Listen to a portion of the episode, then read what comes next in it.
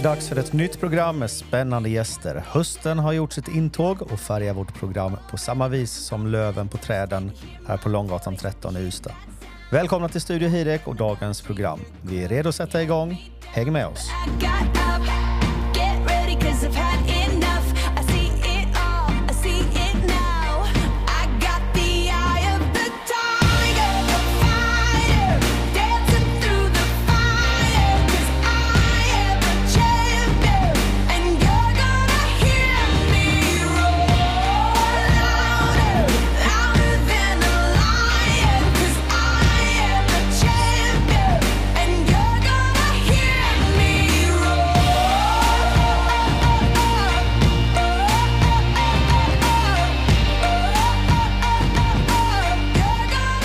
Säger välkommen till eh, Studio Hirek och välkommen framförallt till Nils Percy Gustafsson. Tack så mycket. Du, det, det är en sak med dig som jag inte riktigt förstår mig på, Percy. Vadå? Jo, du är så himla snäll. Du är balanserad. Du är barmhärtig till och med. Du är alltid lika positiv, du är framåtlutad och du tycker om förändringar. Och du har ett högt driv. Men trots allt detta, eller troligtvis kanske tack vare det, så lyckas du ändå nå dina mål och få andra att göra som du vill. Fuck off. Hur har du fått fram den beskrivningen? Nej, men jag har ju känt, eh, eller och Ingrid också. Jag har känt det länge. Det känns lite grann som det kanske inte är jag. Eh, som det är någon annan som man, ni, ni pratar om och inte riktigt jag. Va? Men samtidigt så blir jag ju jag blir lite stolt när du berättade va? Är det så? Mm, Ja. Lite grann sådär. Ja. Eh, för jag trodde inte riktigt att det, det skulle vara Nils Percy Gustafsson. Känner du inte igen den bilden? Nej, att jag är lite målinriktad det är jag kanske. Va? Eh, det skulle jag nog kunna tänka mig. Men inte, all, inte hela paketet. Det trodde jag nog faktiskt inte riktigt. Nej, eh, jag tycker du är en gemytlig gubbe och man och farbror. Om jag bara får säga, jag gick en ledarskapsutbildning med Volvo och då trodde jag att jag var en uggla men de sa att jag var ett lejon. Så det kanske betecknar lite grann det du, det du säger. Va? Mm. Det var lite grann den eh, introlåten som vi spelade också. Att, eh, fastän det här passar väldigt bra på Percy. Han är en annan eh, person än, än vad man tror. På ett positivt sätt. Tack så mycket. Mm. Tack så jättemycket. Sen är ju livet en, ett kryssningsfartyg. Va? Så är Ibland, det. ibland svänger man till höger, ibland svänger man till vänster. Va? Ja. Bara riktningen är framåt va? så att man inte backar. Nej, och det gör det jäkligt bra. Du är bra på att navigera också då. Eh, kanske, Ja. kanske. Percy, eh, är det här första gången som du är med i en podd? Absolut, jag har aldrig varit med i en podd tidigare. Nej, brukar du lyssna på poddar? Ja, lite till och från. Ja, vad är det för typ av poddar du lyssnar då? Allt, eh, framförallt det som har med människor att göra, för det inspirerar mig. Eh, teknik läser jag Teknikens Värld, mycket annat sånt. Men just eh, människorelaterade poddar tycker jag. Persis, du har bott i Skåne i många år men eh, du kommer inte från Skåne från början. Nej, jag är en pillemasare, Pillemasare, vad är det? en karlskronit, alltså från Karlskrona. Där föddes du för eh, några år sedan. Eh, ganska många år sedan. Nästa år så födde, föddes jag för 70 år sedan. Så det är 1954. Ja. Du, eh, du växte upp med föräldrar som var döva. Var det, hur påverkade det dig som barn? Eh, att man eh, fick hjälpa till, att man fick vara en mentor, att man fick vara tal, en talpedagog ibland. För att i och med att mina föräldrar skulle ju till sjukhuset, de skulle ju träffa lärare och så vidare. Så man fick vara en, en mellanhand där ibland. Va? Okej. Eh, Så fort man skulle, min mor skulle sjukskriva sig, man skulle ringa till Försäkringskassan så fick jag fixa det. Så man blev lite en, en hjälpande hand till sina föräldrar. Och samtidigt så blev man ju kanske duktig på att läsa av eh, hur, hur, hur de mådde känslomässigt.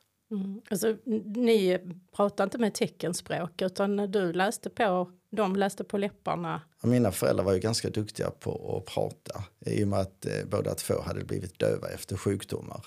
Okej. Eh, Så därför hade både min far och mor ett väldigt bra tal, talspråk. Va? Så att vi lärde oss aldrig teckenspråket. Jag kan ju teckenspråken till viss del. Va? I och med att de hade vänner och bekanta som hela tiden var där. Och då, då använde de ju teckenspråket. Så man kunde ju läsa av det. Va? Men när vi pratade sinsemellan så pratade vi med, med munnen. Men de hade varit fullt hörande innan i livet också då, innan de blev... eh, Ja, min far blev ju döv vid 7-8 års ålder och min mor blev döv vid 3 års ålder. Så min mor hade ju inte riktigt det här utvecklade talspråket som min far hade. Nej. Tror du att eh, det här med att navigera båten som du sa innan, att eh, bakgrunden med dina föräldrar och att de var döva har påverkat dig framåt i livet också?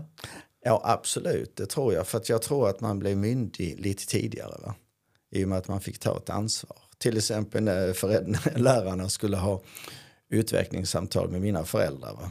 Och det ska man ju ha när inte man sitter med. I alla fall inte när jag växte upp. Utan då skulle de ha det separat utan att, att man var med. Va? Då fick jag ju vara med. Va? Ja.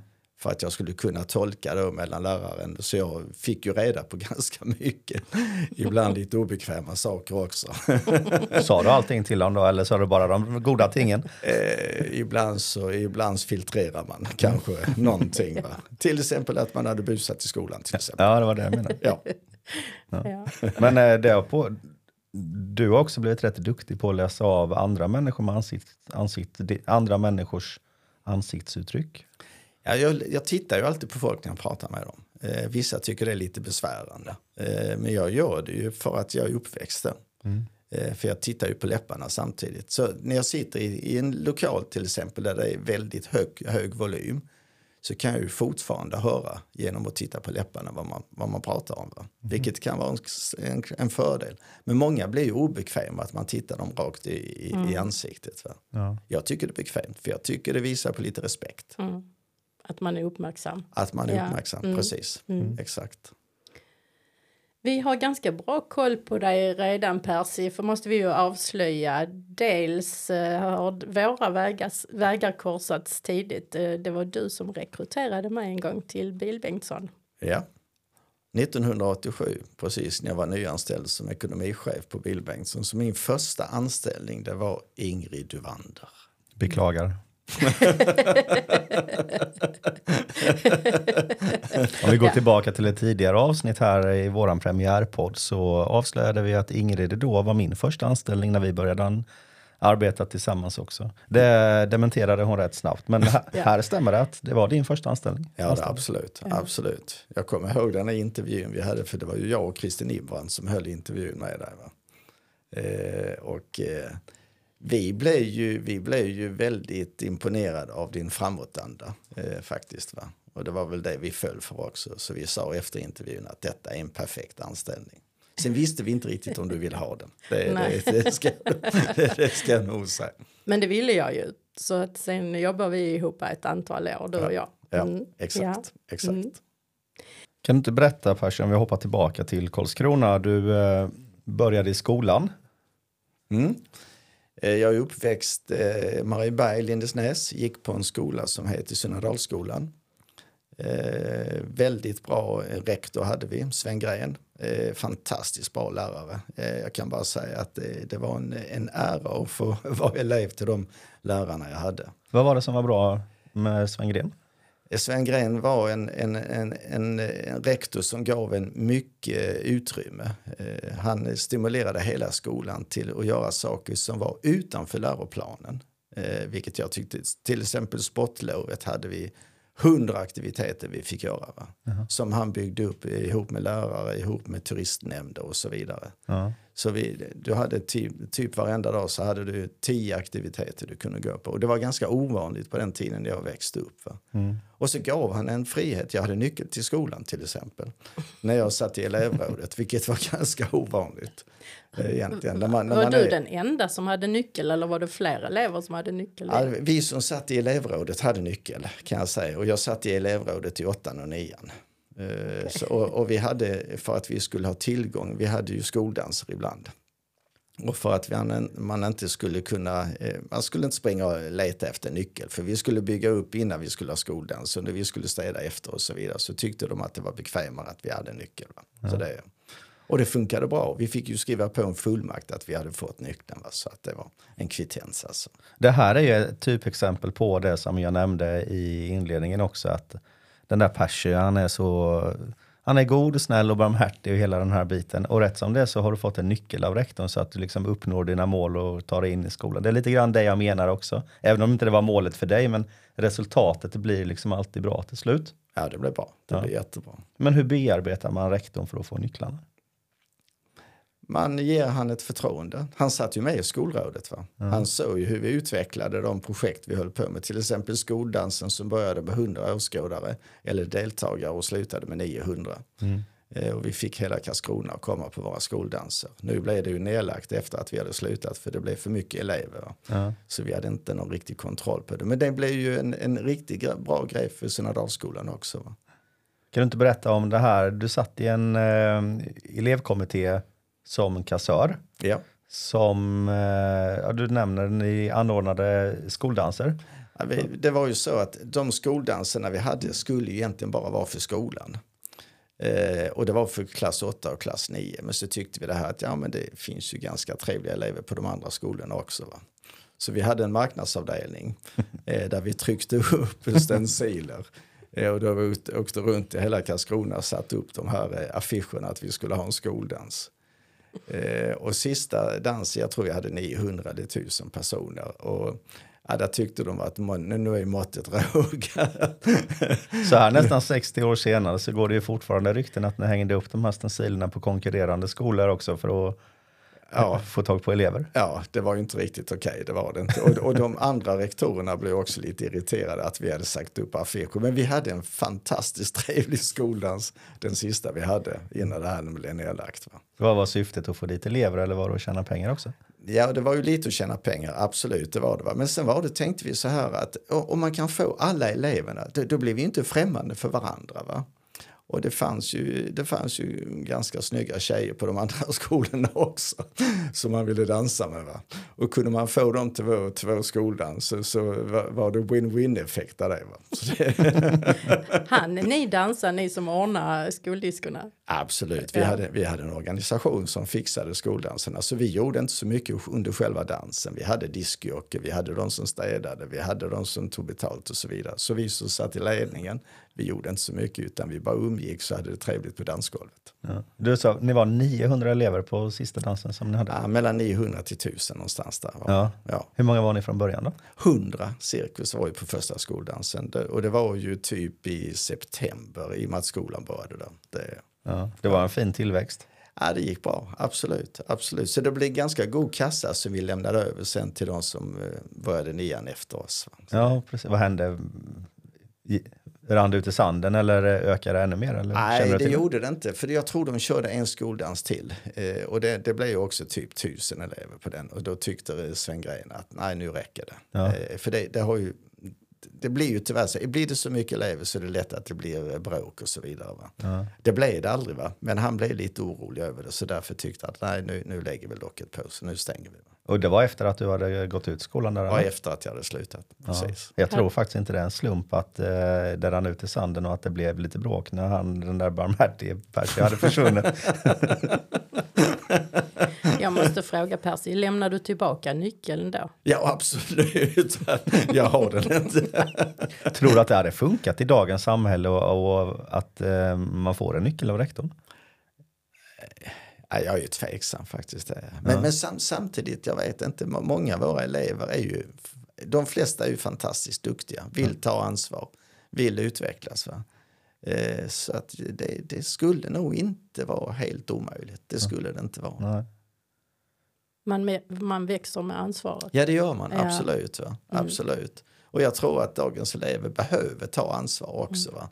Man vill inte bli bortklämad, va? utan man vill känna att ja, jag börjar bli vuxen. Lite grann. Va? Och jag tror att föräldrar till de här barnen måste lita på sina barn. Va? Och alla måste göra fel. Är det klart du lär dig att göra fel. Va? Så det, det är viktigt. Därefter tog du ett, sam, ett eh, sabbatsår. Ja, jag tog sabbatsår där. Eh, Jag, fick lite, jag opererade bort en blindtarm som small i magen va? och då tyckte jag att jag tar ett sabbatsår. Eh, och jag hade lite planer på att bli ingenjör då. Så jag jobbade som ingenjörsassistent. Eh, Men många kallade det för pinnpojke, vilket jag också var. Va? Vad innebär det? Eh, att det står en ingenjör med en mätare och sen står jag med en pinne i handen och så mäter han höjdnivåer. Eh, och efter det så byggde vi byggde en bro mellan, eh, över Lyckebjörn i Karlskrona. Okej. Var det där gubbarna skällde på den när betongen var dålig att då fick pinnpojken eh, skulden för det också? Absolut, absolut. Det var där jag började fundera på att välja en annan yrkesbana kan jag nog säga. Men då jobbade du, eh, var det det året eller? Ett år. Ja. Ett år. Ja. Det, var ett, det var ett projektjobb under ett år. Mm. Därefter så började jag på gymnasiet. Gick samhällsvetenskaplig linje, tre år. Eh, slutade någon gång på 70, början på 70-talet. Sen tog jag lumpen, gjorde Ja. lumpen. Det här när du gick gymnasiet, pizzorna och pepparbiffarna på fredagarna Mhm. när helgen kom. Mm. Berätta lite mer om det, för det är också så himla symptomatiskt eh, för dig. Nu har vi, vi har ju liksom lyxen och äran att, att veta en del om dig sedan tidigare. Och det säger, vi tycker att den här, Eh, det säger rätt mycket om dig också, vad ni hittade på det på gymnasiet. Jag gick ju en, en jättemysig klass eh, där killarna höll ihop. Hela klassen höll ihop och tjejerna höll ihop eh, på, på sitt sätt. Va? Och vi tyckte att vi skulle fira på fredagen. För nu var ju veckan över och så, så låg ju lördag söndag framför oss. Så då brukade vi gå ut antingen och käka en pizza eller så gick vi på Röda Baronen och tog en entrecote eller någonting sånt. Va? Med, med en sockerdricka till pizzan för jag tyckte det var en bra kombination. Eller vatten till entrecoten. Va? Eh, och vi gjorde det i princip, eh, kanske inte varje fredag, men minst varannan fredag så gjorde vi det. Ja. För vi sa vi måste ju fira att det är fredag. För det, rätt vad det är så kommer ju måndagen va? Och då det, har vi hela veckan framför oss. Så vi tyckte det, det var en god grej. Ja. Och hela klassen hängde med i princip. Och det, Ingrid tog upp innan att eh, du är ju ordförande i vår styrelse på Hirek. Mm. Eh, och du trycker ju ofta på att man måste fira sina framgångar. Det, det måste man göra, helt klart. Va? För det, det, varför, varför kämpar man och varför sliter man? Jo, det är för att man vill nå framgång. Hur, hur känner du att du har nått en framgång? Jo, genom att fira det. Va? Det, alltså det, det, det är inte storleken på, fri, på firandet som har en betydelse. Det är bara att man måste uppmärksamma det. Då kan det vara en pepparbiff eller en pizza eller en entrecote eller en sockerdricka eller vad det kan vara. Ja, det kan vara en semla också. Det behöver inte vara jättestor, för- men ibland ska det vara lite större. Framförallt vid, vid jubileum och så vidare. Då ska det bli lite större. Då ska man känna, wow, detta blev superbra. Mm. Du tycker om att fira? Ja, det gör jag. Absolut. Samtidigt som jag tycker om att jobba hårt. Ja. Och dansa på skoldansen där också med de andra 900 tjejerna och 100 killarna. Absolut, absolut. Eh, under skoltiden på gymnasiet, då hade du lite eh, extra inkomster också. Du jobbade på, på helgerna eller? Mm. Mm. Det var ju lördagsutdelning. Eh, Så jag jobbade på posten. Posten hade alltså lördagsutdelning. Så jag eh, hade det också som ett sommarjobb. Eh, Det var ju ett det var ju ett fint, fint sätt att få lite extra pengar. Då sprang, slapp man ju springa till sina föräldrar och fråga om pengar hela tiden. Utan man hade sina egna pengar som man själv kunde disponera. Utan att någon frågade vad man gjorde av dem. Det kändes väldigt, väldigt bra. Va? Så du kunde äta pizza på fredagar. Helt rätt, absolut, absolut.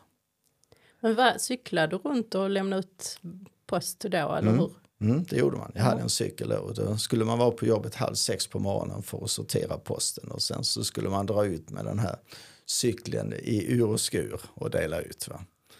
Ehm, ibland blev det lite kämpigt. Varför då? Ja, hade man haft en, hade man haft en klassfest på fredagen eh, där det blev lite sent på, på, på, på natten så skulle man ändå upp halv sex på morgonen för att posten skulle ju fram. Va? Eh, Då var man ju lite tveksam till om den här som bodde högst upp eh, verkligen skulle få sitt brev den dagen om det inte räckte att man väntade till måndag morgon. Jo, Ja. och hände det att du väntade då? Eh, Det kunde nog hända ibland. Va? Fick du repressalier då? Väldigt mycket, absolut. Man blev utskälld sen när man kom på, på, på lördagen efter. Va? För då träffade man ju sin chef och så skällde han ut den och sa att posten ska alltid komma fram på den dagen som det är sagt. Ja, Sen, eh, du lämnade ju eh, gymnasiet eh, hos alle- samhällsprogrammet och hamnade i Växjö och agerade kanonmat i lumpen va? helt rätt, absolut, på en PV-pluton. Mm. Mm. Hur var det att göra lumpen? Och hur länge gjorde du lumpen? 11 månader eh, gjorde jag lumpen och eh, eh, Eh, jag, jag kan nog säga att så här i efterhand så kan man nog konstatera att det var ett fantastiskt bra år. Va? För att man blir inslängd i en, i en, i en kompani, i en pluton, i ett logement där du inte känner någon innan. Va? Och så ska, eh, ska man börja samarbeta. För det var ju mycket samarbete egentligen som, vi- som vi sysslar med. Va? Eh, och den erfarenheten man tar med sig därifrån, den har man ju haft nytta av hela livet egentligen. Va? Mm. Hur var det med eh, kamratskapen i lumpen och så här? Ja, det tar ju lite tid innan man lär känna varandra, men när man väl har fått sina positioner eh, så, så funkar det jättebra, absolut. Fast sen fanns det ju alltid någon som ville bli malaj från början. Va? Men de, de blev ju malaj sen på sitt. Eh, men just det här med att man krokar arm och hjälps åt. Va? Det är, I alla fall på vårt logement så funkade det jättebra. Har du varit med om den, eh, om den typen av sammanhållning och eh, målbild eller senare i karriären? Eller tycker du att det är unikt för att, inom militären? Nej, jag tycker väl att på företaget har vi väl också krokat arm. Helt klart. Och Vi har ju haft massvis med projekt som vi har genomfört. Eh, som har varit lite outside the box egentligen. Va? Där man tycker att till exempel ett- jag har varit med om att installera två nya ekonomisystem. Eh, bytte ekonomisystem på Bill Bengtsson. Jag har varit med om att byta, gå från handskrivna till fakturor till att installera ett digitalt system på Bill Bengtsson. Där man ska få alla att börja skriva faktura via en dator. Eh, och det, det är inte lätt. Det är fasiken inte lätt. Man ska ändra hela mindsetet egentligen. Va? Eh, och då, gäll, då gäll, gäller det ju att kroka arm och hjälpas åt. Va? Och ta de här utmaningarna också som det är och lära sig något nytt. Va? För många är det så, oh jätteroligt. Men för många är det, eh, man blir rädd för det. Alltså men det är lite skärrande. Va? Ja, Man, är, van- man har sin eh, komfortzon där man är van att jobba på ett sätt och så ska man ändra hela tankesättet och hela arbetssättet. Va? Det, det kan vara utmanande. Samtidigt utvecklas man ju som människa. Jag tycker vi firar lite grann och tänker tillbaka på skoldansen och eh, de här fredagarna med pizzorna. Tycker du inte det? Absolut.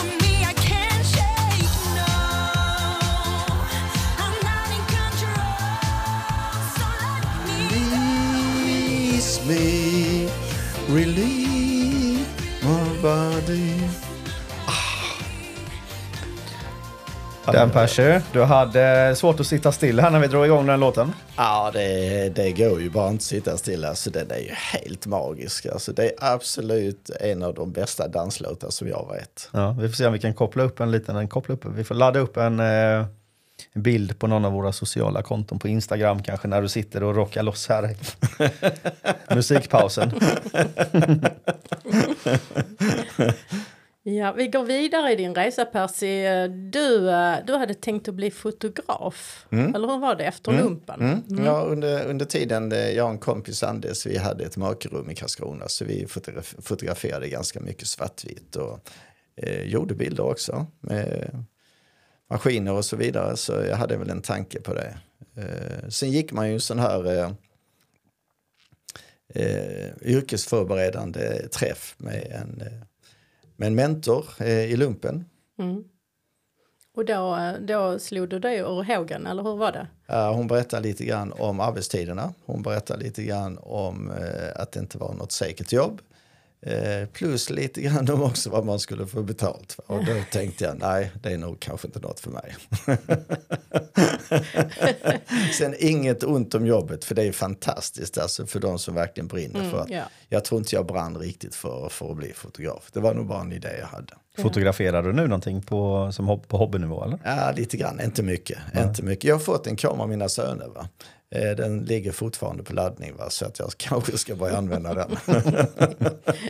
Nå- när du får tid någon gång. ja, exakt. Mm, kanske det med arbetstiderna där det brister fortfarande, att det är svårt att få till, eh, få till det. Ja, exakt. exakt. Men då blev det någonting annat. Du bestämde dig för att plugga. Mm, det gjorde jag. Jag eh, hade en kompis som skulle ner och läsa ekonomi i Lund. Eh, en av mina bästa kompisar, Tommy. Och då tänkte jag, men då hoppar jag också med. För att matte har jag alltid varit intresserad av. Eh, så jag tänkte ekonomi kan nog vara någonting för mig. I och med att jag var då var kassör eh, i nian va? så tänkte jag, ja men då kan jag väl läsa ekonomi. Det, det känns som en bra utmaning. Du hade en fallenhet, märkte du? Ja, lite grann åt Ja. det hållet. Ja. Hur länge pluggade du i Lund? Eh, Jag pluggade där några år eh, och det var ju eh, både eftergymnasial utbildning plus att det var lite studie, vad heter det nu, program, lite olika program eh, som jag gick på universitetet. Du tog lite kurser då, Lite liksom, kurser för att få där. din utbildning. Ja, exakt, exakt. Vad var det inom, vad var det för typ av kurser du gick? Affärsjuridik, eh, skattejuridik, eh, mm, eh, vanlig bokföring, redovisning, ja, allt möjligt som hade med, med, med ekonomi att göra kan man säga i princip. Marknadsföring också. Tyckte du det var kul? Ja, det gjorde jag väl. Eh, jag, jag, jag gillar ju att läsa och jag gillade ju ämnet också. Va? Ehm, sen visste jag väl kanske inte riktigt vad det skulle leda till. Jag tänkte bli revisor ett tag, va? men sen tänkte jag väl att det, det, det var väl kanske inte riktigt min grej. Det är väl inte riktigt Percy. Vad var det som eh, var fallerade i det yrket som känner att du inte är så lockad av det? Eh, Det var väl att man fick sitta still mycket. Eh, Gå igenom eh, uppgifter som någon annan hade producerat. Va? Och, och se så att det, det stämde med, med det som stod i skattelagstiftningen. Och det var väl kanske inte riktigt det som jag tänkte att jag ville jobba med. Nej, är du inte kontrollerande precis kanske? Nej, det är jag väl inte riktigt. Jag vill ju gärna kontrollera så att det blir rätt. Va? Men jag vill göra det i, i framkant och inte i bakkant. Nej, du tittar mer framåt än vad du tittar... Exakt, På exakt. historiken. Ja, exakt, exakt. Du, eh, när man pluggar i Lund så eh, med tanke på din historik där du tog om att fira och så, eh, hur, hur, hur var det på den tiden? Ja, alltså det var ju mycket pluggande kan jag säga. Jag träffade Rosa också i Lund. Va? Eh, Din fru? ja, min fru ja. För att eh, hon läste i Lund också. Så vi träffades där i, på 70-talet. Eh, jo, det, var- det var ju mycket pluggande, mycket slit, det ska, det ska jag nog säga. Men eh, det var väl lite firande också, absolut. Vi hade ett ställe, Sodom, som vi gick på väldigt ofta, jag och mina kompisar. Va? Så det, det var ett sätt att belöna en själv va? när man hade då klarat antingen en tenta eller en, en, en skrivning. Va?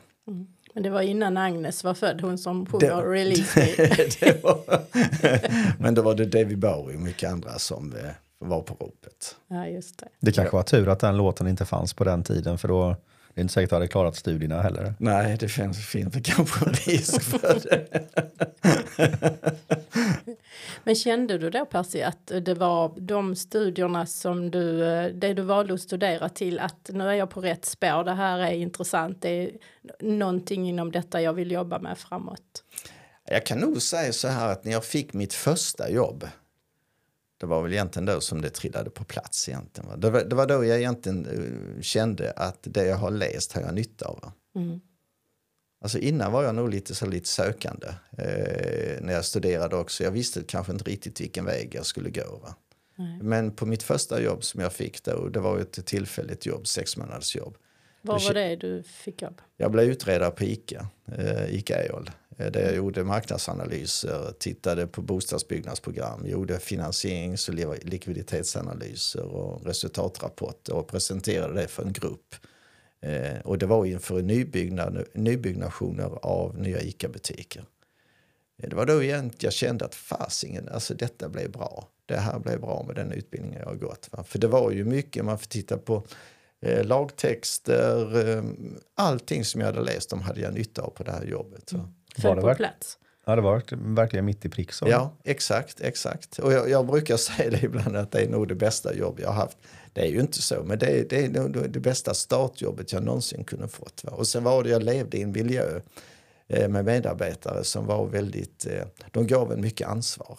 Eh, jag fick ett uppdrag och sen fick jag en deadline och sen vad jag gjorde däremellan, eh, det var upp till mig. Va? Det var det att det skulle vara klart till ett visst datum. Och det var, det var Ica, nyetableringar av ICA-butiker eller? Ja, ja. Var det Ica Maxi eller var det även Kvantum och, de här? Det var alla sorters butiker egentligen. Va? Så fanns det en etableringsavdelning i Göteborg också för där var huvudkontoret eh, som tittade på de riktigt stora Maxi-butikerna. Men vi började med att titta på dem och sen så tog de över. Däremot var det kvantumbutiker, det var supermarket och så vidare. De hette ju inte så då, de hette något annat. Va? Men storleken eh, är ungefär som de, de är idag. Ja. Du har gjort den, eh, vad heter den i Mellbystrand, den som är en Ica Ja, Maxi-butik ja, idag? ja, den har jag räknat på en gång i tiden. Ja. Jag har räknat på den i Hörby också, jag har räknat på den i Bromölla. Jag har nog ett antal som jag skulle kunna räkna upp också. Jag har nog räknat på en, ja, mellan 3 till 500 tror jag, cirkus. Va? Hur ofta visade kalkylerna att man skulle gå igång och etablera och hur många gånger visade kalkylen att man kanske skulle låta bli, välja en annan ort? Under alla år, eh, jag, nu var jag där i sju år, under alla år så är det bara en butik som har stängt. Vi gjorde, vi gjorde en, en, eh, en lågprissatsning i Långebro i Kristianstad. Eh, den, blev inte, den, den var lite för tidigt ute. Eh, och den blev lite för fin också. Eh, det var ju så att man levde ju i ett, i ett komplex där ICA-butiker skulle se ut på ett speciellt sätt. Va? Och bygger man en lågprisbutik så kan den inte se ut som en traditionell ICA-butik. Så den blev lite så, budskapet lågt pris gick inte riktigt fram till kunderna. Va? Så den stängdes efter tio år eller någonting sånt. Jag tror det var det. Ja, Okej, men det var igång så pass länge ändå? Ja, absolut. absolut. Alltså projekt, eh, starta, man räknar tio, tioårscyklar egentligen. För det du har startat ett projekt till att butiken öppnar. Ungefär tio år tar det.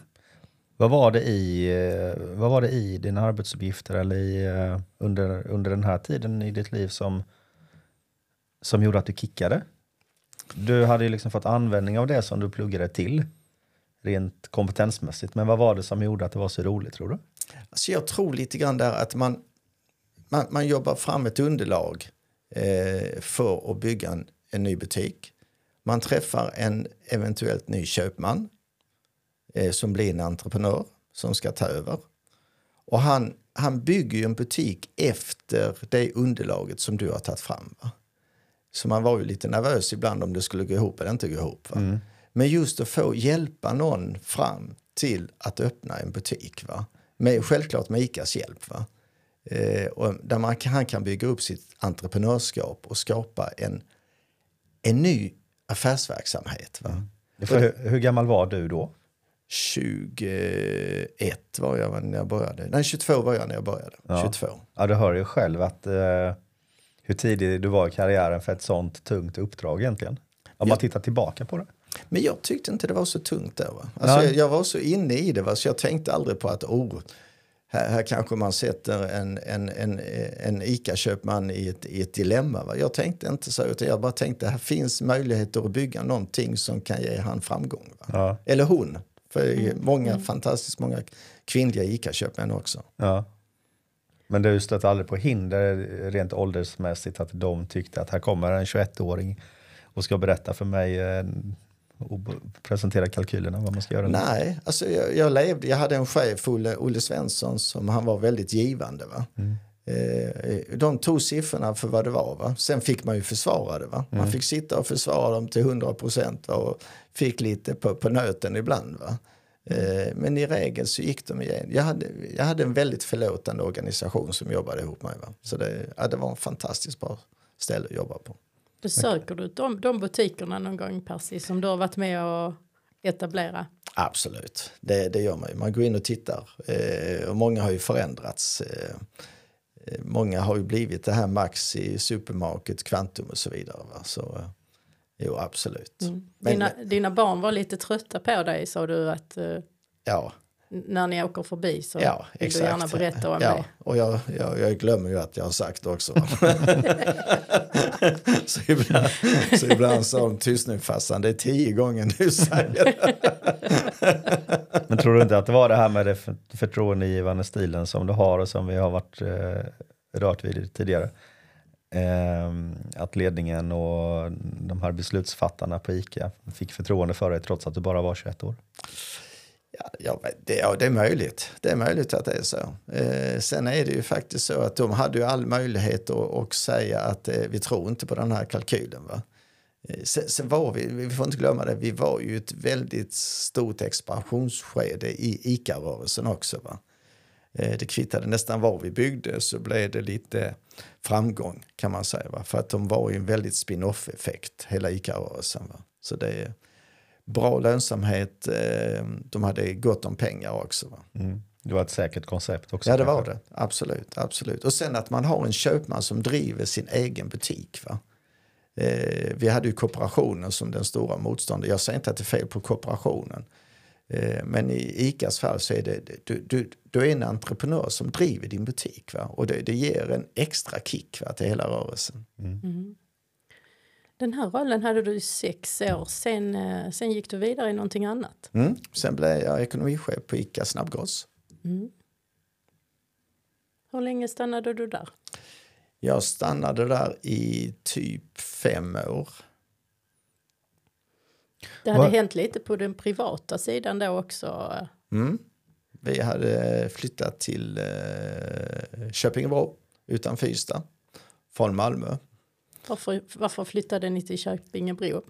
Ja, vi hade en liten knatting på väg, Ja. lilla Viktor. Och Rosa har ett ursprung från Köpingebro. Ja, det har, Ja. det har Mm. ja. Eh, Hennes föräldrar eh, drev ju Gemalivs i Köpingebro också så det blev ganska naturligt. De hade precis byggt till sin butik och då tänkte Rosa att hon skulle pröva att jobba där samtidigt. Och det är också ICA. Det är också en ICA-butik, en ja. liten ICA-butik. Men vad hände då? Eh, Du, du slutade som ekonomichef på ICA Snabbgross. Nej, e- egentligen, ja. Jag slutade på grund av att jag låg och pendlade mellan Köpingebro och Malmö. Eh, Vi satt ju på Sallerupsvägen i Malmö. Och lilla Viktor var ju född. Eh, Och vi hade en liten knatting till på väg. Och jag bara tänkte att detta kommer inte att fungera eh, med pendlingen. Eh, Jag vill gärna vara ihop med mina barn. Helt klart. va. Jag vill inte ligga på en väg och pendla. Jag säger inte att det är fel att pendla. Va? Men jag, för mig kändes det inte rätt. Va? Så jag började söka jobb i Ystad-trakten med omnejd istället för att kunna ha lite närmare till jobbet. Och då blev det... Bill Bengtsson Mm. blev anställd av eh, Gertrolf Bengtsson och Kristin Imbrand som ekonomichef. 87, samma år som jag anställde Ingrid Dovander. Hur gammal var du då, Percy, så vi slipper räkna själva? Eh, Jag var, nu ska vi se, Du kan fråga Ingrid hur gammal hon var så kan. Det vill vi inte tänka på. jag var väl, nu ska vi säga 30, 33, 34 år. Något sånt. Hur var det då att komma från ICA-handeln till ett eh, bilföretag? Alltså beslutet lite grann tänkte jag så här att eh, sälja korv, sälja skinka och sälja ost på Ica. Det är ungefär som att sälja en Volvobil eller en Renault-bil från eh, Bill Bengtsson. Du ska ha en nöjd kund och du ska ha en bra produkt.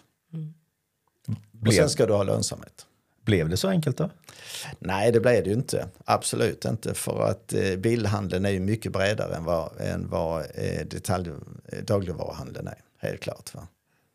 Men samtidigt var det ju lite utmanande för mig. Va? Man fick ju lära sig fler affärsspråk och affärsbitar. Eh, bitar. Du, i den här rollen, nu vet vi har inte pratat om om du hade personalansvar på ICA Snabbgross, men i rollen hos Bilbengtsson blev det i alla fall ett större ledarskap. ja, det blev det. Helt Ja. klart. Va? Hur var det att få personalansvar? Ja, det är ju inte så svårt egentligen. Va? Eh, Tycker du om människor så brukar det fungera ganska bra faktiskt. Va? Och jag tycker om människor. Eh, Ligger det naturligt för dig att ta en ledande roll? Jag tänkte på det på något sätt redan på skoldanstiden så, så verkar det som du var drivande i att uh, få ihop saker och ting.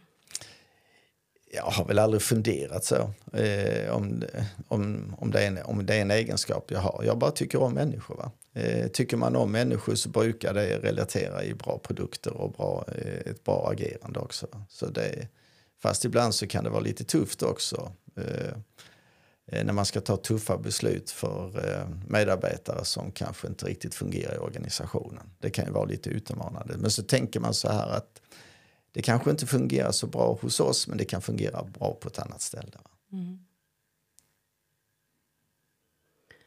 Din roll eh, på Bilbengtsson förändrades genom åren.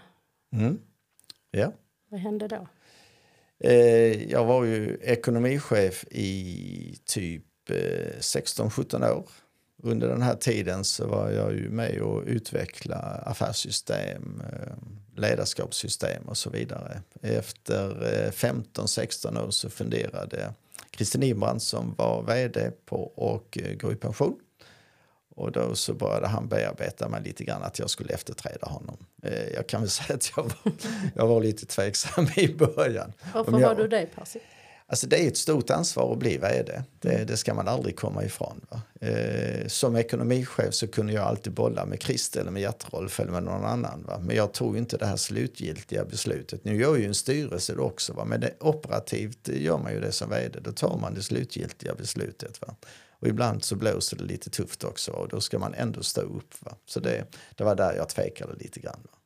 Och, och Christer hade ju själv gått samma väg i, ifrån att vara ekonomichef till vd så han visste vad det handlade om. Absolut, jo det visste han. Och han tyckte att det var en, det, det är en bra bas att kunna ekonomi va, om du ska bli vd. Så han, eh, han var väl på mig ett år där innan jag till slut sa att ja okej, jag kan pröva på.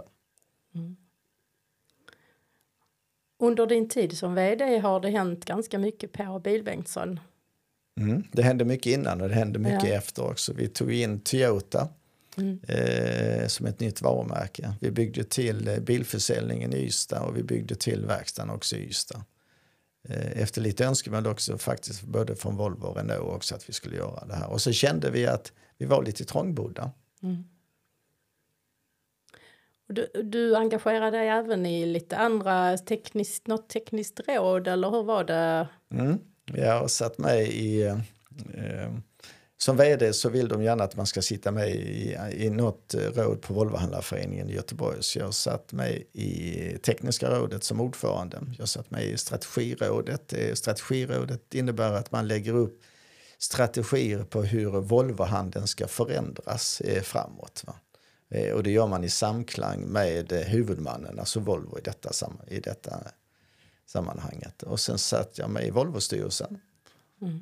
Och tanken är att man ska sitta i typ tre fyra år. Men eh, ja, jag satt där i tio.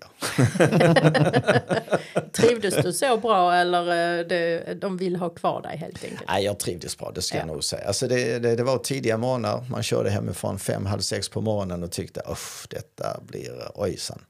Det blir, men sen varje, varje kväll när man körde hem så kände man att man hade fått extremt mycket energi. Väldigt trevliga människor att sitta och jobba ihop med, absolut. Va? Men du, tekniska rådet, hur hamnade du där Percy?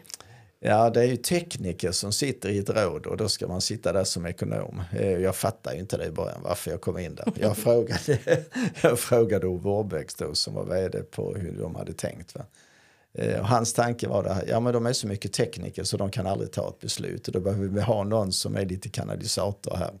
Eh, Som är beredd att ta ett beslut och som kan jämna ut de här teknikerna, va? för det behövs ibland. Va? Och de var jätteduktiga teknikerna, men de hade lite olika spår ibland. Va? Så det, nej, men det var trevligt. Har det hänt innan då att eh, det har suttit en, eh, någonting annat än en tekniker som ordförande i det här rådet? Nej, jag tror inte det. Min företrädare var tekniker och han som kom efter mig var också tekniker. Eh, om jag tänker rätt. Jo, jo det har de varit. Va? Så det, Mm, sen började det bli dags eh, att eh, tänka på pension. Eh, Mm. eh, hur gammal var du när du gick i pension, Percy? 65. Ja. 65. Exakt 65, för jag fyller år den 16 januari och jag slutade den 31 januari. Så det var på min, nästan på min 65-årsdag. När man är en glad pensionär då är man ung i sinnet, lever på minnet. När man är en glad pensionär då är man aldrig någonsin sur och tvär. Om man är 70, 80 eller 92 så sjunger man ändå, sjunger man ändå. Vi går på kafferep och bara har det bra,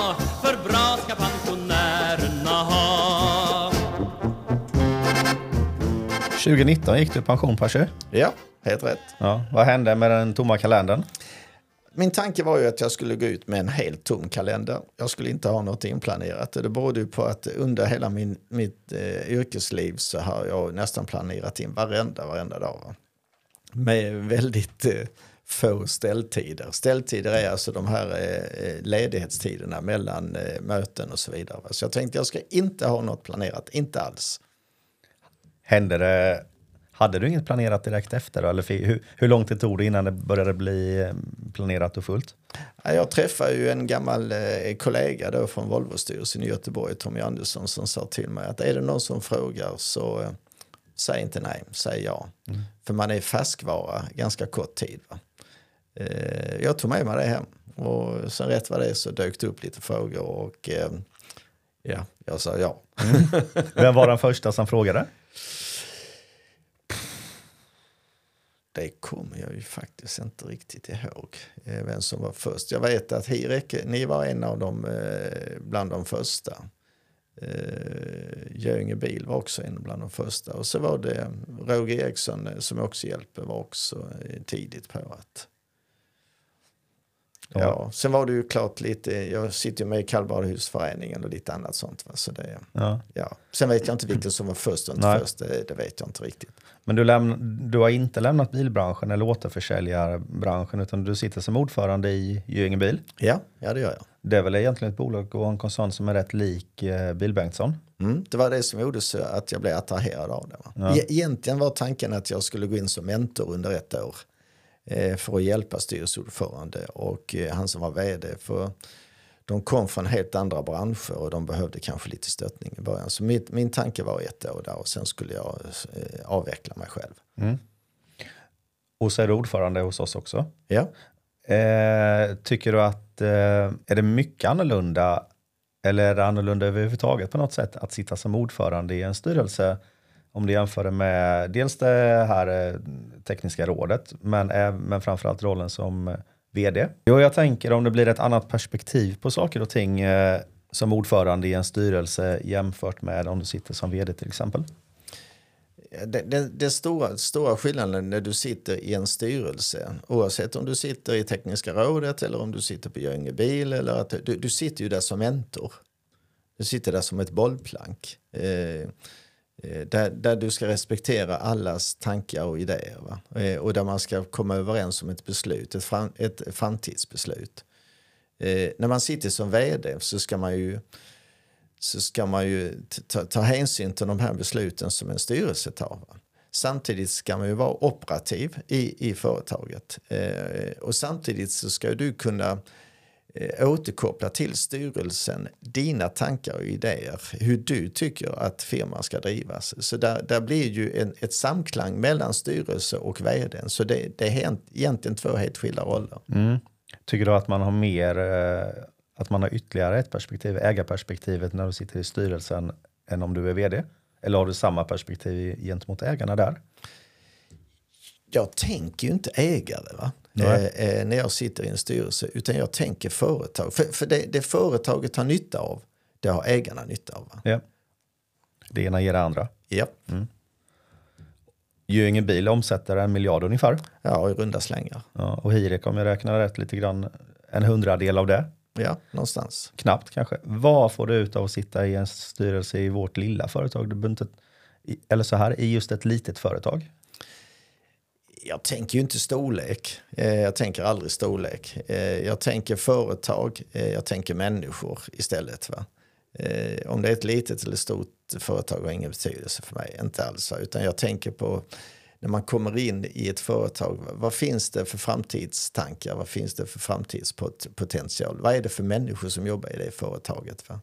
Det är det som ger mig inspiration och jag hoppas jag kan ge tillbaka lite inspiration från de mötena som jag är med på. Sen är du även eh, involverad i Företagarna, Ystad. Ja, Är involverad i en del projekt. Jag tänker på E65 i första hand. mm, E65 är ju en del av Företagarna. Va? Ja. Eh, så jag och Bosse Jonsson har eh, drivit det ihop. Va? Så nu, nu har kommunen tagit över det projektet.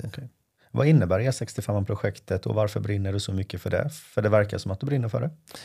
Eh, I och med att jag kommer från bilbranschen så vill jag ju att vi ska ha eh, en infrastruktur som fungerar bra. Va? Eh, och jag kan ju säga en akilleshäl. Om man tänker från broklaffarna in till Sturupskarusellen. Kan vi inte få flödet av bilar att fungera bättre utan det, det ska bli stopp. Alltså missgynnar det samhällets utveckling. Va? Och det är därför jag brinner för E65. Och du var med uppe, var det riksdagen du träffade i, var det tidigare i år eller förra året? Nej, jag var med i, i, i förfjol när Bosse och jag var uppe. Eh, och sen hade vi ett runda, runda bordssamtal här eh, för, för något år sedan med både riksdagsmän och så vidare. Sen vet jag att företagarna var uppe nu i år eh, och träffade riksdagsmän. Mm. Tror du att det kommer bli av med en utbyggd E65? Ja, det tror jag. Absolut. För att man har satt igång en OVS? Eh, åtgärdsvalsstudie. Sen har vi eh, Ystad Summit, kallbadhuset här i Ystad är också involverade i. Mm. Jag gillar sådana projekt, Ja. tycker jag. Ja. Mm. Omöjliga projekt tycker jag om att vara med i. Är det där att hålla igång och, och, eh, och eh, försöka nå resultaten i de omöjliga projekten också? Eller vad är det som, vad är det som lockar med någonting som är omöjligt? Det, det jag tänker med kallbadhuset är att skulle vi få till ett kallbadhus, det har funnits ett kallbadhus en gång i tiden, men skulle vi få till ett kallbadhus så är det ett, ett, en gemensam träffpunkt för alla Ystadborna. Eh, där man kan gå ner, eh, bada, eh, basta och träffas. Eh, och eh, kan man få det centralt i Ystad så hade det känns väldigt, väldigt bra. Och sen är det, det är nästan ett halvomöjligt projekt. Va? För där är så mycket miljöaspekter och kommunaspekter och så vidare som man måste ta hänsyn till. Och vi har ju inte funderat ens en gång hur vi ska finansiera det. Va? Men det får bli nästa, nästa utmaning. Det är de lätta bitarna kanske, det är svårare att påverka de andra aspekterna. Ja, exakt. Men har du ett eh, intresse av ett samhällsengagemang att du, du tycker om att göra saker för bygden? eh? Ja, det tycker jag. Ja. Absolut. absolut. Jag, människor, jag kan bara säga att under corona när vi inte fick träffas, va? Eh, det, kan, det, det drabbade ju otroligt mycket människor egentligen. Va? Och man ser ju hur illa man mår när man inte får träffas. Va? Vi hade ju styrelsemöte via Teams ett tag och det till och med Lena då som är 78 och tyckte att det var, eh, det var inte alls bra. Hon ville ha fysiska möten och så skulle vi sitta lite långt ifrån varandra. Jag, jag tror på det här fysiska möten. Att vi, vi mår bra av det. Eh, Alla mår bra av att träffas. Va? Badar du själv någonting? Jag tänker eh, inte hemma då utan eh, i vattnet. havet. Ja, det gör jag absolut. absolut. Jag, eh, jag försöker, men jag kan nog vara ärlig och säga att man mår bra av att- bada i kallt vatten, det gör man. Va? Men det är väl inte något riktigt jag brinner för. Va? Men jag, har jag bastat, bastat innan så absolut att jag kan bada i kallt vatten, helt klart. Ja. Du tycker om att röra på dig också. Du cyklar och du åker skidor och du är svår att få tag på för när vi söker dig. Du är aldrig hemma verkar det som. Du har alltid något. Du har ett projekt på gång. Du är i Tyskland eller Polen eller i, eh, åker skidor eller cyklar eller vad du gör. Så du har en väldigt aktiv fritid. Mm, ja, eh, jag tänker nog inte likadant. jag tycker om att göra saker, Ja. absolut. Jag tycker om att göra varierande saker också. Jag satt och tänkte på en sån här batteriindikatorn på en telefon. Den minskar ju alltid på dagarna och sen behöver man ladda den på kvällen. Ja.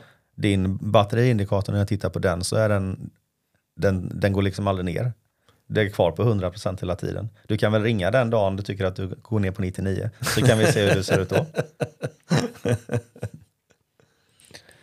Det där att inte ha någon kalender eller ha en tom kalender, det verkar inte som det riktigt blev så när du blev pensionär Percy. Nej, det, det stämmer. Det stämmer ganska bra. Absolut. Det men, men på något sätt så bestämmer man ju själv. Va? Eh, Man bestämmer ju själv eh, när man, eh, hur aktiv man vill vara, hur mycket man vill klämma in i sin kalender och vad man vill göra. Va? Sen, sen har jag blivit, jag har ju två söner, Viktor och Jesper. Eh, och Rosa och jag, vi har ju fått ett barnbarn. Va? Eh, Så jag försöker eh, faktiskt, eh, och jag, jag, det, det fungerar bra. Det, det gör det. Jag försöker prioritera lilla Loppan så mycket som möjligt faktiskt. Det, det gör jag. Va? Och jag försöker också prioritera mina barn och det har jag gjort under hela livet faktiskt så mycket som möjligt, så mycket det går. Det jag tror att familjen, jag vet inte, jag vet inte hur jag ska säga det, men familjen är ju inte någonting du förtjänar. Det är ju någonting du har va? Och, och det måste du ta, ta tillvara. Va? Eh, eh, och eh, ja, det, det är absolut det bästa som kunde hända hänt dig, både barn och barnbarn. Mm. Du, det är en sak jag inte riktigt förstår med dig Percy. Och eh, det är, du satt i ett strategiråd inom Volvo, som ju ändå är ett relativt stort företag med, med alla möjliga mått mätt så. Och eh, nu kanske ut ute och cyklar lite grann, men när du kom in i vår styrelse, du har suttit där i fyra år ja. Eh, så lyfte du den här idén med att åtminstone ha en kostnadsbudget, vilket vi inte hade någon form av budget tidigare, utan vi menade på att vi har koll på det ändå. Och på något sätt så är väl budgeten strategi, eller i alla fall ett, ett, eh, ett, ett styrmedel för att se hur man ligger till så. Men du har hävdat att du har aldrig haft en strategi, men du har suttit i ett strategiråd. Hur kommer det sig att du inte har strategier, men att du ändå hamnar till exempel i ett strategiråd? Ja, det är en ganska svår fråga att svara på egentligen, men jag har ju inte haft en lång, jag har ju aldrig haft en lång, långsiktig strategi egentligen. Det har jag aldrig haft. Däremot så kanske jag är, jag kanske är duktig på att eh, göra kortsiktiga strategier. Va? Eh, när jag hamnar i en situation så eh, försöker jag nog hitta en lösning eh, där jag är just nu och, eh, och framåt. Va? Eh, så på, på något sätt så blir jag kanske strategisk då. Eh, jag, är, jag, är en, eh, jag, ska, jag, är, jag är kanske lite eh, lösningsorienterad. Eh, det, det är jag kanske. Och då blir det en strategi automatiskt. Va? Lever du mycket i nuet också, att du tycker om att vara operativ i den bemärkelsen? Jag lever väldigt mycket nu, absolut. Va? Det, det gör jag. Jag försöker leva varenda dag. Va? Eh, Försöker ta tillvara varenda dag på något sätt. Jag kan eh, sitta och läsa Ystad Allehanda i en och en halv timme va? för att jag vill göra det. Va? Vilka var dina starkaste egenskaper som vd tycker du? Det tror jag nästan andra ska bedöma. Eh, Men eh, jag, jag tror att jag är ganska duktig på att eh, få ihop ett team. Det tror jag. Jag tror att jag, i och med att jag är ganska, eller jag tycker om att lämna, lämna ansvar. Jag tycker om att ge ansvar. Va? Och då tror jag att, och folk vill, eller medarbetare vill ha ansvar. Va? Eh, Med bra stöttning. Så jag tror att det kanske är en av, en av mina positiva egenskaper. Det, det bästa jag vet det är att se glimten i ögat på en, en medarbetare som förstår sin roll. Det är inte, alla, det är inte så lätt när man blir eh, avdelningschef, eh, kvitta vad, vad det är för roll va? Eh, och, och förstå det ansvaret som ligger på. Men när man förstår det, man får det här glimten i ögat, det, det, det, det kan ge mig en enorm kick. I vårt premiäravsnitt så pratade vi om att vi på Hirek har en egen låt, den här eh, Händerna mot himlen. Eh, Den spelar vi både när vi firar och när vi sörjer, höll på att säga, när vi behöver pepp. Det, det, det gör vi och så ringer vi till dig. Eller, eller så ringer vi till dig. så, så har du kanske en, en ännu starkare bild med vilka dina starka egenskaper är. Med erfarenheten du fick ifrån ICA och erfarenheten du fick ifrån Bil Bengtsson så är det två olika typer av eh, Bil Bengtsson är ett familjeföretag, ett ägarlätt på ett direkt sätt. Så. Är det stor skillnad att arbeta för två olika typer på det sättet av företag tycker du? Ja, absolut. Det är, om, om, om du jämför ICA med, med Bil Bengtsson eh, och Hirek eh, så är det ju en jättestor skillnad. Eh, ICA är ju, det är inte toppstyrt men det är ju lite toppstyrt. Va? Så det är en, det är en längre beslutsväg innan du får ett beslut. Va? Eh, familjebolag är ju kortare också. Va? Eh, och det, det krävs ju i de här bolagen att man är snabbrörlig. Va? Eh, medan ICA då, det är ju mer långsiktiga investeringar man gör. Så att vi, visst är det en jättestor skillnad. Va? Mm. Du nämner ofta att det här med att stretcha hjärnan är någonting som du tycker om eller det är nödvändigt. Vad menar du med det och varför? Man ska utmana sig själv ibland. Man ska, man ska gå in i saker som man inte riktigt förstår. Eh, som man inte har en aning om. Varför stretcha hjärnan? Det, det är jättenyttigt det. Och så ska man inte vara rädd för nya influenser och nya utmaningar. Eh, utan man ska ta, ta dem till sig eh, och lära sig dem. Jag tänker på AI nu som alla pratar väldigt mycket om. Va?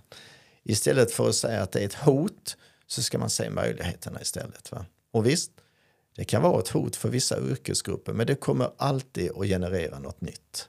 Nu har vi kommit in till eh, det här avsnittet som heter humorfrågor till Percy. det är inte riktigt så farligt som det låter men. Du den här nyckeln du fick av rektorn, vad gjorde du av den när du, eh, när du hade, hade du den alltid eller lämnade du tillbaka den till honom mellan varven eller hur funkar det? Jag hade den alltid. Jag, jag hade en liten kassalåda där jag hade eh, pengarna från alla våra skoldanser. Och i den kassalådan hade jag nyckeln också. Okej, så hade, Under sängen i mitt sovrum. jaha, I tryggt förvar. ja. Har du någon särskild händelse i din karriär som sticker ut sådär som du hade velat dela med dig av? Ja, alltså där är en händelse som jag aldrig glömmer eh, i princip. Eh, när vi installerade vårt första eh, dataprogram eh, eller datasystem på Bill Bengtsson så hade vi lite problem med att få igång skrivarna i Tomelilla. Eh, jag och eh, vår IT-chef, vi fick inte igång dem fast allting skulle varit rätt installerat och vi slet som ett djur. Eh, skärmarna fungerade men skrivarna fungerade inte. Så jag åkte upp till Tomelilla och han satt i Ystad. Eh, och vi hade en deadline, alltså det var frågan om minuter nästan innan man skulle testköra det här. In där i skåpet, jag är ingen tekniker, inte alls, jag är in där i skåpet och tittade på hur de var kopplade. Och då säger jag till Bengt, du de här eh, kopplingarna ser, de ser lite konstiga ut, det verkar som de har vänt på kopplingarna. Eh, vi testar med en skrivare så jag skruvade ut alla ledningarna, vände på dem och skruvade in dem igen. Eh, och så sa jag till Bengt, du eh, gör en testutskrift på eh, skrivare 1 då, som det var i Tomelilla på Österlens lastvagnar.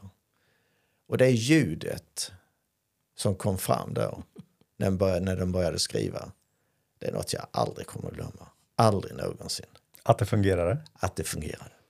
Det var en sån god känsla i någonting som jag inte begriper någonting av. Det var rätt oväntat med tanke på vad du har gjort. Det var ett oväntat exempel. Ja, men det var fantastiskt. Ja. Vi har eh, fått höra att du har en viss talang när det gäller westernridning. Eh, har du något tips på hur man får hästen att röra sig?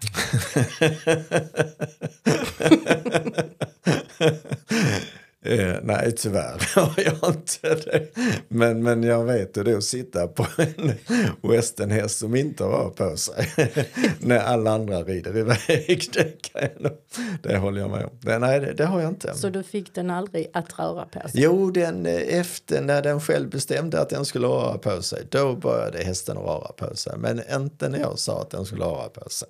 Det är med andra ord är det lättare att få människor att göra som du vill än att få djuren att göra som du vill. Nej, jag får inte människor att göra som jag vill. Jag får människor att göra som de själva vill. Mm, bra sagt. Du, I vårt premiäravsnitt så berättade vi om just den här podden som vi nu sitter och pratar i. Mm. Eh, att vi hade en tanke kring 2015 och starta upp den. Mm. Ehm, och att vi köpte in eh, utrustning och så här. Vi startade ju aldrig igång den och sen så när du kom in i vår styrelse och företaget så pratade vi om eh, idén och, och hela tanken bakom. Men vi sa också att nej men, det känns inte bra. Men du var rätt angelägen om att inte lägga ner den. Mm. Varför var det viktigt för dig att inte släppa den, just den idén? Eh, jag visste ju inte så mycket om poddar då, ärligt talat, det, när det kom upp första gången. Sen har jag lyssnat på lite poddar då och då. Eh, och jag eh, bara tänkte lite grann så här när det kom upp igen och jag tyckte inte man skulle släppa idén. Det är ju ett sätt eh, och ett bra sätt att marknadsföra en, en firma. Det är ett bra sätt att marknadsföra medmänniskor. Eh, och det är ett bra sätt att marknadsföra idéer och nya tankar. Va? Eh, och ju fler människor som lyssnar på podden, eh, ju större spridningskraft får man. Va? Så att, det var därför jag inte tyckte att man skulle lägga ner den. Mm. Vi har tillbringat eh, ett par eh, styrelsemöten där vi har haft möte lunch till lunch, alltså med övernattning. Och det som har slagit oss det är ju att din energi aldrig verkar ta slut. Är du nattmänniska eller är du morgonmänniska? Eh, Jag är väl både och. Där fick vi svaret.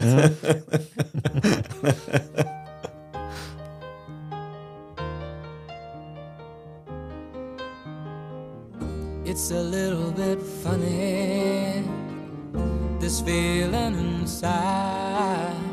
I'm not one of those who can easily hide.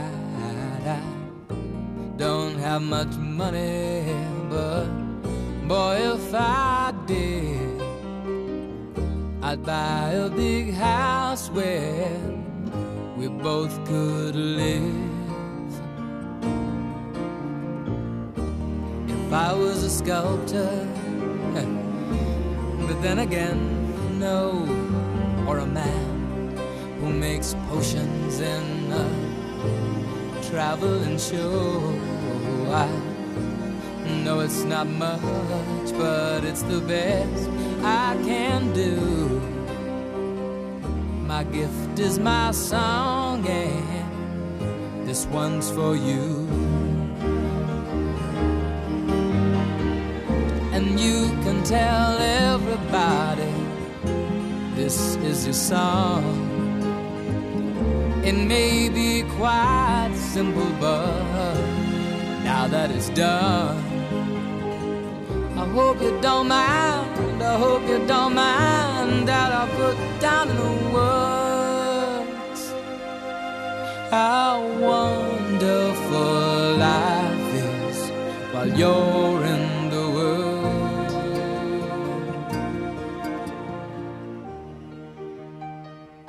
Nu är det så här Pasha att vi har ett par snabba frågor som går ut på hastighet. Så det gäller för dig att inte tänka efter för länge. Max en sekund, gärna där, där kortare än så. Du får två alternativ av mig och du ska välja ett av dem. Svart eller vitt? Vitt, Sommar eller vinter? sommar, Hund eller katt? katt, Storstad eller landsbygd? Landsbygd, Resa i tiden framåt eller bakåt? framåt, Kaffe eller te? kaffe, Ingrid eller Johan? båda. Tack snälla Percy för att du tog dig tid och kom hit till vår studio och vår podd. Tack så mycket själv. Tack för att jag fick komma. Jättespännande. He